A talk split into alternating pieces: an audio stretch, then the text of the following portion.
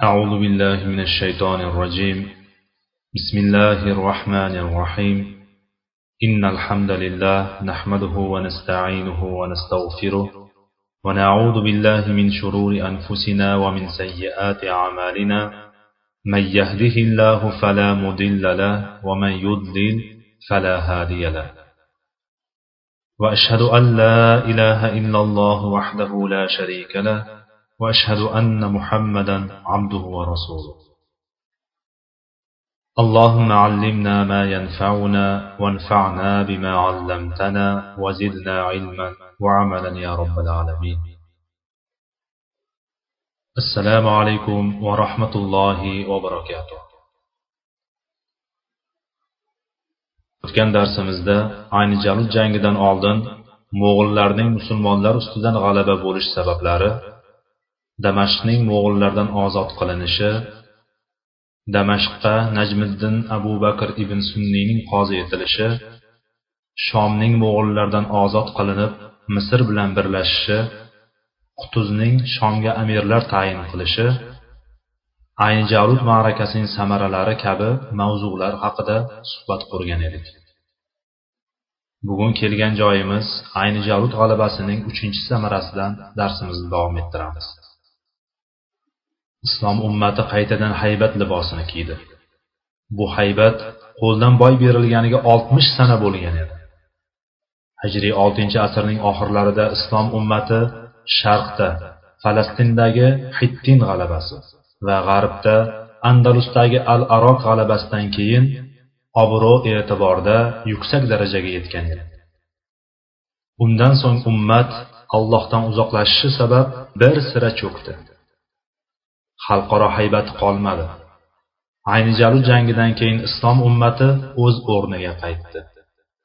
Hatto fors diyorini o'ziga qarorgoh tutgan xulagu ulkan mo'g'ul lashkari bo'lishiga qaramay shomni qaytarib olishga haddi sig'madi. To'rtinchi samara. Shom turkiya va falastinda mo'g'ul quvvatiga barham berilishi. Ayni jangidan so'ng bir necha o'n yillar davomida bu o'lkalarda ya'ni shom turkiya va falastinda mo'g'illarning nomi ham quloqqa chalinmadi. Bu diyorlarga zulmi istibdod bir yuz qirq yildan uzoqroq muddatgacha qaytmadi. Musulmonlar jonlari mollari yerlari va nomuslaridan xotirjam omonlikda yashadilar. Beshinchi samara. Mamluklar davlatining tan olinishi. Mamluklar sultonlikni hijriy olti yuz qirq sakkizinchi yil ya'ni melodiy bir ming ikki yuz elliginchi yilda ya'ni ayni jarud jangidan o'n yil oldin shajaratuddurning va undan so'ng uning umr yo'ldoshi izzuddin oybekning sulton bo'lishi bilan boshlangan edi.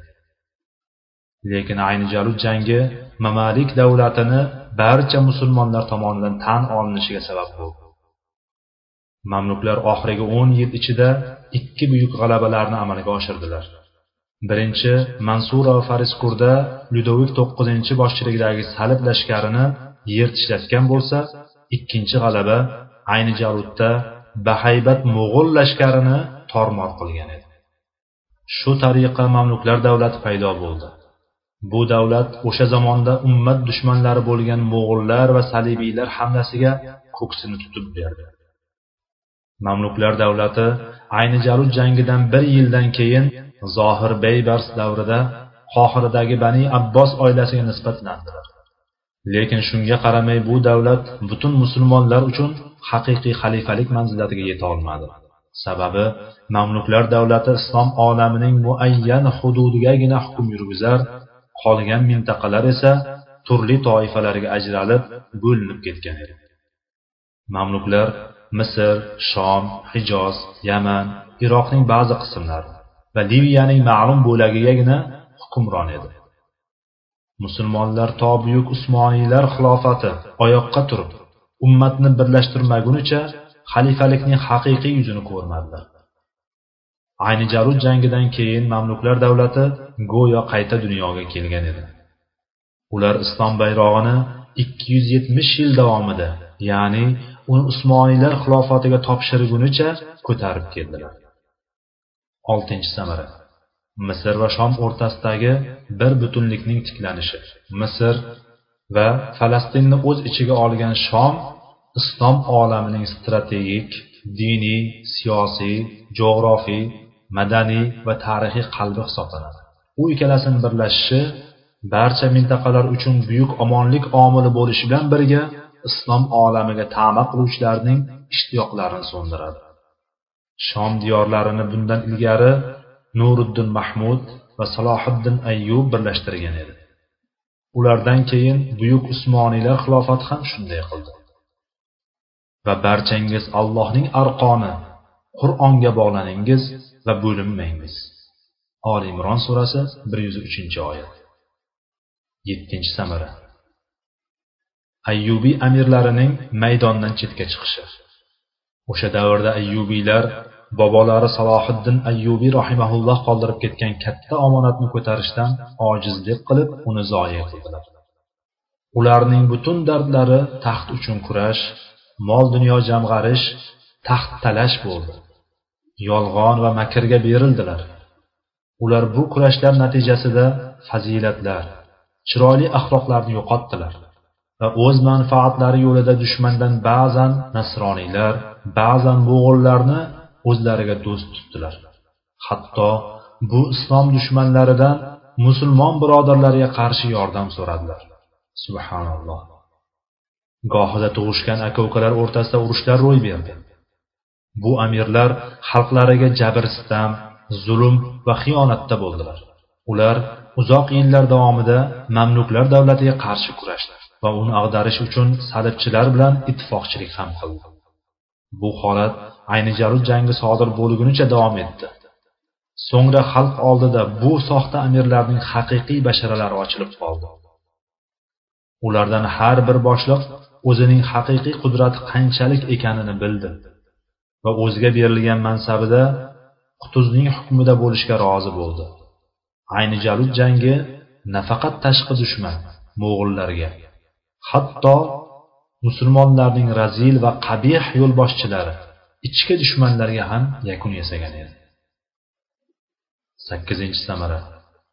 Shomning salibiy amirliklaridan tozalanishi. Bu masala g'oyat muhim ahamiyat kasb qilsa da ushbu satrlarga uning bayonini sig'dira olmaymiz. Mavzuni inshaalloh salib yurishlari borasidagi darslarimizda batafsil bayon qilamiz. Ayni jarud jangidan so'ng mamluklar shom va falastin yerlarida bir yuz oltmish yildan ya'ni hijriy to'rt yuz to'qson birinchi yildan beri ajriq misoli ildiz otgan salibiy amirliklari ildizini qo'parib tashlashga bel bog'ladi. Salibiylar shom falastin livan suriya va turkiya mintaqalarida mustahkam o'rnashgan imoduddin zinki nuriddin mahmud va salohiddin ayyubiylar rahimahumullohlar bu mintaqalarni salibchilardan ozod qilishga bor imkoniyatlarini sarf qilgan bo'lsalarda maqsadlarini to'liq amalga oshira olmagan edilar. Ustiga ustak ularning farzandlari ya'ni imoduddin zinki nuriddin mahmud va salohiddin ayyubiylarning farzandlari ozod qilingan joylarning ko'pini qo'ldan boy bergan va salibiylar u yerlarga qaytadan o'rnashgan edilar. Mamluklar bu mintaqalarni birin ketin ozod qilishga kirishdilar. Qutuzdan so'ng misr voliyligini qo'lga olgan zohir beybars hijriy olti yuz ellik to'qqizinchi yil melodiy bir ming ikki yuz oltmish birinchi yildan boshlab ya'ni ayni jalud jangidan bir necha oydan keyin birma bir salibiy amirliklarini ag'dara boshladi. Hijriy olti yuz oltmish to'rtinchi yil. Melodiy bir ming ikki yuz oltmish oltinchi yilga kelib bir qator islom o'lkalari jumladan falastinning ko'pgina shaharlari qaysariya hayfa husn arsuf ozod qilindi. Hijriy olti yuz oltmish to'rtinchi yil o'n sakkizinchi shavvol. Melodiy bir ming ikki yuz oltmish oltinchi yil o'ttizinchi iyulda falastinning shimoli sharqidagi safat ozod qilindi. Zohir beybars rohimaulloh falastin yerlarini salibiy amirliklardan tozalayotgan bir paytda buyuk sarkardalaridan biri sayfiddin qolovun turkiyadagi kilikiyani ozod qildi. Mazkur yerda u kichik armaniston podshosi haysum ustidan g'alaba qozondi. Sayfiddin qolovun nasroniylar ustidan katta g'alabaga erishib behisob g'animatlarni qo'lga kiritdi hamda salibchilar va arman nasroniylardan qirq mingini asir oldi. Zohir beybars hijriy olti yuz oltmish beshinchi olti yuz oltmish oltinchi yillar melodiy bir ming ikki yuz oltmish yetti bir ming ikki yuz oltmish sakkizinchi yilda yafani ozod qildi. Hijriy olti yuz oltmish oltinchi yil to'rtinchi ramazonda melodiy bir ming ikki yuz oltmish sakkizinchi yil yigirma beshinchi mayda antokiya ozod qilindi. Nasroniy amir buhmand mag'lubiyatga uchradi. Ma'lumingizki musulmon o'lkalaridan eng birinchi antokiya hijriy to'rt yuz to'qson birinchi yil melodiy bir ming to'qson sakkizinchi sanada salibchilar qo'liga kirgan edi. Zohir beybars rohimaulloh vafot etganda islom mamlakatlaridan sanoqlilarigina mustamlaka holatida qolgan edi. Jumladan akko sur sayda bayrut tatrus laziqiya kabilar hanuz salibchilar hukmida edi. Hijriy olti yuz sakson to'rtinchi yil melodiy bir ming ikki yuz sakson beshinchi yil tarabruz mamluklar sultoni mansur qorovul qo'li bilan ozod qilindi bu kishi musulmonlarning ulug' sultonlaridan bo'lib salibiy podshohliklar hukmida bo'lgan qolgan musulmon o'lkalarni hammasini ozod qildi. Subhanalloh. Hijriy olti yuz to'qsoninchi yil melodiy bir ming ikki yuz to'qson birinchi yil qo'rg'onli akko ozod qilindi. U ikki asr atrofida salibiylar hukmida bo'lgan edi. Akko amirligi ishg'ol qilingandan so'ng shomdagi salibiy amirliklarning majori qolmadi. Akko ishg'olidan ko'p o'tmasdan sayda sur bayrut jubayl tarabulus va laziqiya ozod qilindi. Shunday qilib ayni jangidan o'ttiz ikki yildan so'ng shomda birorta salibiy amirliklar qolmadi. Bu yutuqlar ayni jarud g'alabasining samaralaridan edi. Yillarcha quyi bosh bo'lgan musulmonlar qisqa vaqt ichida boshlarini ko'tarib yana aziz bo'ldilar. To'qqizinchi samara. Ayni jarud g'alabasi va mamluklar davlati shakllangandan keyin misrning poytaxti qohiraning qadri ko'tarildi. O'sha zamonda mamluklar davlati mintaqadagi eng buyuk davlat mavqeida bo'lsa qohira o'sha davlatning poytaxti edi. Hijriy olti yuz o'ttiz oltinchi yil melodiy bir ming ikki yuz o'ttiz sakkizinchi yilda qurtuba shahri. Hijriy olti yuz ellik oltinchi yil melodiy bir ming ikki yuz ellik sakkizinchi yilda bog'dod vayron qilingandan so'ng musulmon o'lkalari orasida qohira shahridan boshqa ilm ma'rifat kuch quvvat markazlari qolmagan edi. Qohira bu shaharlarning eng ulug'iga aylandi.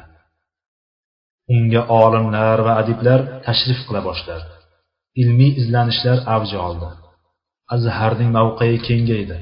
Allohning fazli marhamati ila islom olamidagi universitetlarning eng ulug'iga aylandi.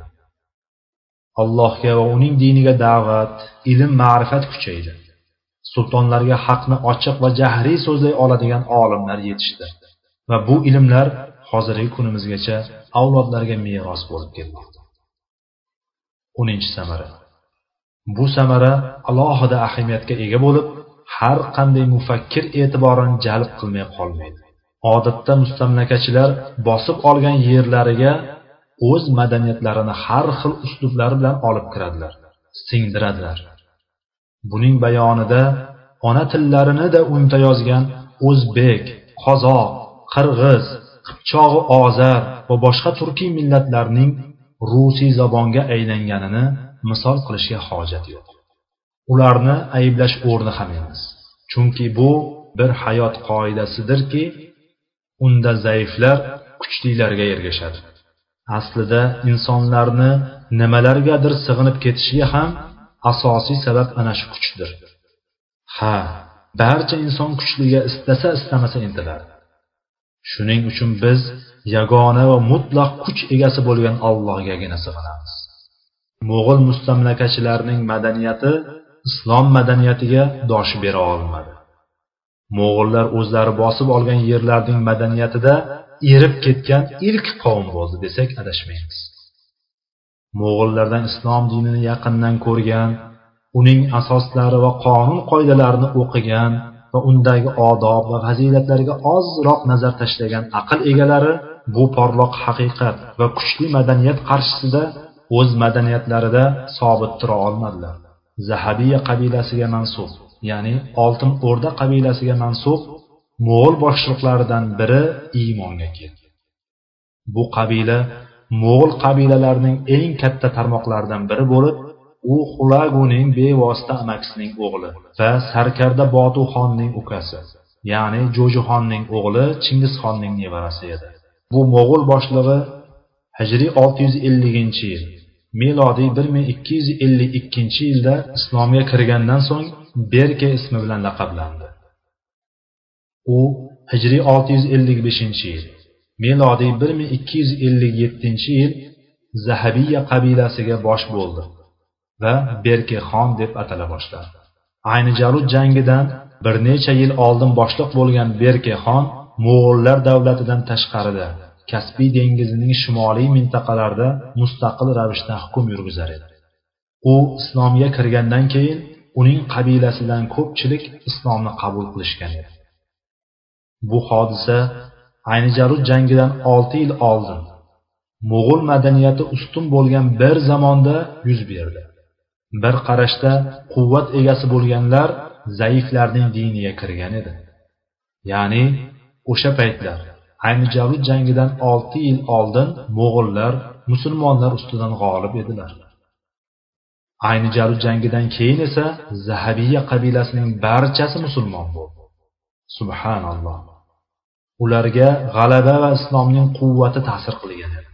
Ular vaqti kelib zohir beybars bilan xulaguning ziddiga ittifoq ham qurishdi. Zahabiya qabilasi hozirgi kunimizgacha davom etib kelgandir. Ular jumlasiga qozon qirim astraxan nogay xorazm amirliklari dohildir. Sovet ittifoqi parchalangandan keyin ham bu mintaqalar rossiyaning mustamlakasi sifatida qolmoqda. Ayni javud jangining bundan boshqa ko'plab samaralarini sanashingiz mumkin. Ularni tahlilchilar va ilmiy izlanuvchilarga havola qilamiz. Darhaqiqat bu jang butun yer kurrasi tarixida eng ulug' janglar jumlasidan bo'lgan desak mubolag'a bo'lmaydi. Nusrat sabablari. Islom lashkarining tayyorgarlik bosqichlari haqida yetarlicha gapirdik. Bu o'rinda qisqacha nusrat sabablari zikriga cheklanamiz. Nusrat sabablaridan birinchisi iymondir. U nusrat sabablarining eng birinchi va eng ulug'idir. Nusrat faqat alloh taolo huzuridandir. Shuning uchun ham qutuz islom lashkari va ummatning iymoniy jihatiga katta e'tibor qaratdi. U mo'g'ullarga qarshi kurashda xalqning islomiy burchini ularga anglatdi. Yodingizda bo'lsa qutuz jang maydonida vo misri yoki podsholigim ey yoki vo arabo demadi balki va islamah degan edi. Nusratning buyuk sababi mutlaqo iymon ekani. Qutuzning jang maydonida ahvol juda qiyinlashganda allohga yolvorganida yanada ravshan bo'ladi. O'sha o'rinda u ey olloh bandang qutuzni mo'g'ullar ustidan g'olib qilgin deya munojat qilgan edi. Duo ibodatdir. Inson bandaligini yaratuvchisiga e'tirof qilishi unga muhtojligini bildirishi duoning ijobat bo'lish sabablaridandir. Alloh azza va jalladan muntazam ilhoh bo'lib xushu va tazarru bilan islom va musulmonlarga nusrat so'rash har bir musulmonning burchidir. Ikkinchi sabab musulmonlar o'rtasidagi birdamlik tarqoq ummat g'olib bo'la olmaydi. Qutuz rohimaulloh misrga voliy bo'lgan dastlabki kunlardan boshlab qo'lidan kelganicha musulmonlarni birlashtirishga harakat qildi. U bahriy mamluklarni afv qilib ularni muizziy mamluklar bilan birlashtirdi. Shomdagi ayyubiy amirliklarni birlashishga chorlab elchilar yubordi. Holbuki ular uzoq yillar davomida misrga urush qilib kelardi. Shunga qaramay ularni birlashishga chaqirdi va kelganlariga bag'rini ochib kutib oldi. U o'z safiga shom va xorazm armiyalari va o'z ixtiyorlari bilan kelgan ko'ngilli askarlarni qo'shib oldi. Uchinchi sabab ummatdagi jihod ruhini jonlantirish. Qutuz musulmonlarning huquqlarini qaytarib olishning muhim yo'li mujodala ekaniga. Islom dini tinchlik va omonlik dini bo'lish bilan birga u mujodala quvvat karomat va izzat dini ekaniga ishonchi komil edi. Qutuz ba'zida urush yo'lini tanlash yagona yechim bo'lishini ravshan idrok qildi. To'rtinchi sabab. Jang uchun munosib tayyorgarlik ko'rish. Qutuz rohimaulloh lashkarni quvvatlash mumkin bo'lgan barcha sabablarni amalga oshirdi. Jumladan u qurol aslaha hozirlash askariy mashg'ulotlar saflarni tartiblash munosib rejalar tuzish jang maydonini to'g'ri tanlash diplomatik aloqalar o'rnatish ishlarini amalga oshirgan edi. Beshinchi sabab. O'rnak namuna bo'lish. Qutuz rahimaulloh islom lashkari va ummati uchun barcha amallarda o'rnak bo'ldi. O'rnak bo'lish quruq ko'tarinki so'z va xitoblardan ming marta afzal tarbiyadir. Qutuz xulqda halol kasb qilishda jang maydonida iymonda af qilishda hamma hamma narsada ummatga namuna bo'lgan edi. Oltinchi sabab ummat dushmanlarini do'st tutmaslik. Qutuz mo'g'illardan quvvatda va tayyorgarlikda kuchsiz bo'lsa ham ularni do'st tutmadi. Ya'ni ulardan omonlik so'ramadi. Shuningdek shomdagi nasroniylar ittifoqchilik qo'lini cho'zib tursalar ham ularning yordamiga muhtojligi bo'lsa ham ularni do'st tutmadi. Ya'ni ular bilan hamkorlik qilmadi. Undan oldin ba'zi musulmon amirlar va podshohlar so'ngra ularning ortidan xalq ham kofirlarni do'st tutdi. Ulardan omonlik so'radi yoki hamkorlik qildi. Oqibatda esa kofirlar ularning boshlariga qora kunlarni soldi. Ular shar'iy xatoga yo'l qo'ygan edilar. Chunki himoyalanish lozim bo'lib turganda uni tark qilish bir xato bo'lsa xalqni islom dushmanlariga bo'ysundirish ikkinchi xato va dushmanni do'stlik qiladi deb bilish uchinchi xatodir.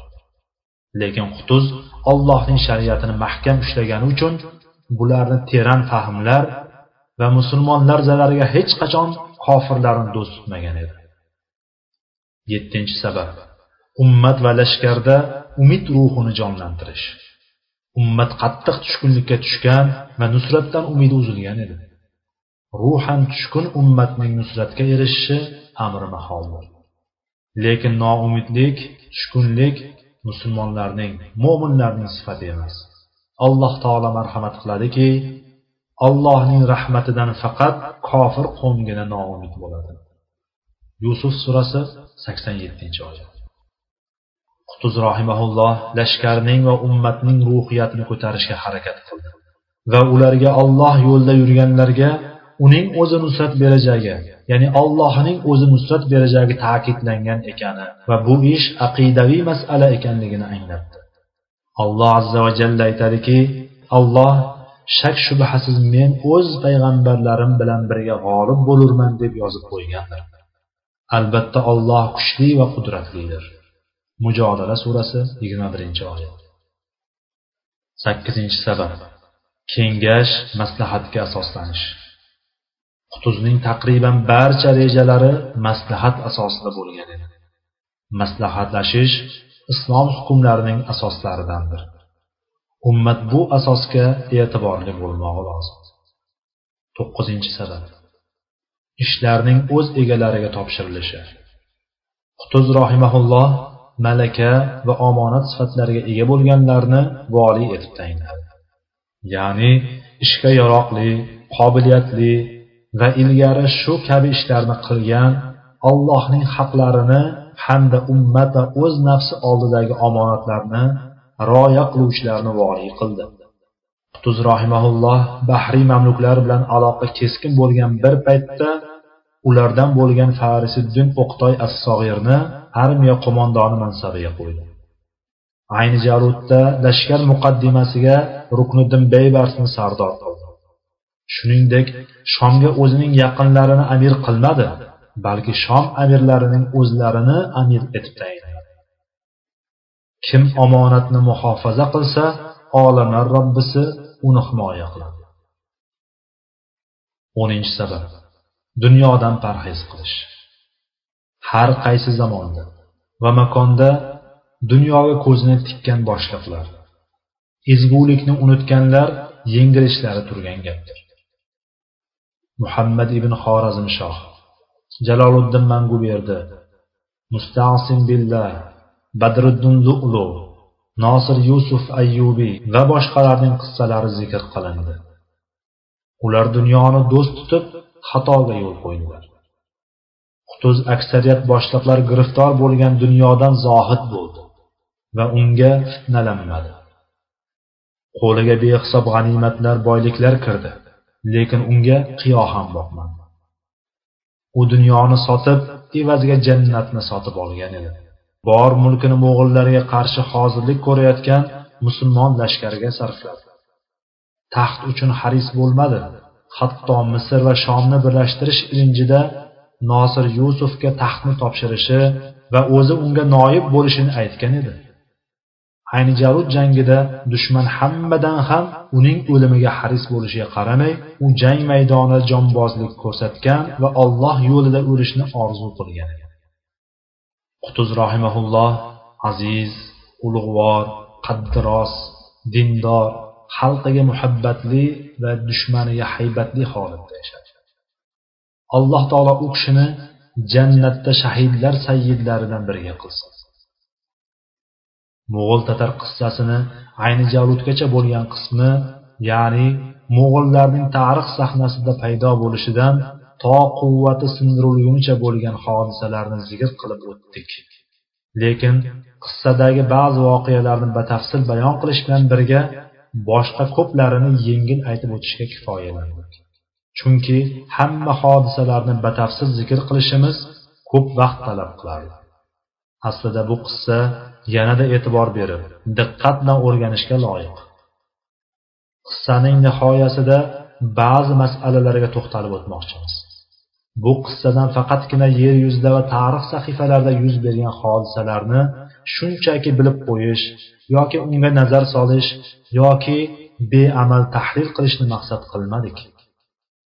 Balki tadabbur va tafakkur qilish ibrat va foyda olish kelajakka tarix nazari bilan tarix ko'zi bilan qarash va bugunning kechagi kunga o'xshashligidan dars olish maqsadida zikr. Hozirgi kunimizdagi musulmonlarning ahvoli mo'g'ullar zamonidagi musulmonlarga bunchalar o'xshash bo'lmasa. Bugungi kun musulmon hokimlari mo'g'ullar kunidagilarga o'xshashligini aytmaysizmi? Islom diyorlarining kofirlar tomonidan egallangani mo'g'ullar tomonidan bosib olinganiga bunchalar o'xshamasa. Ha tarix takrorlanaveradi. Lekin undan ibrat oluvchilar qani? Uni tadabbur tafakkur qiluvchilar qani? Undan dars oluvchilar qani? Alloh subhana taolodan uning yer yuzida joriy qilgan qonunlarini bildirishini manfaatli bo'lgan ilmni ta'lim berib ta'lim bergani bilan foydalantirishini va tarixni bizlarga ibrat qilishini so'raymiz. Albatta u ollohning qo'lida va u bunga qodir zotdir. Vallohu taala alam. سبحانك اللهم وبحمدك أشهد أن لا إله إلا أنت أستغفرك وأتوب إليك. وآخر دعوانا أن الحمد لله رب العالمين. والسلام عليكم ورحمة الله وبركاته.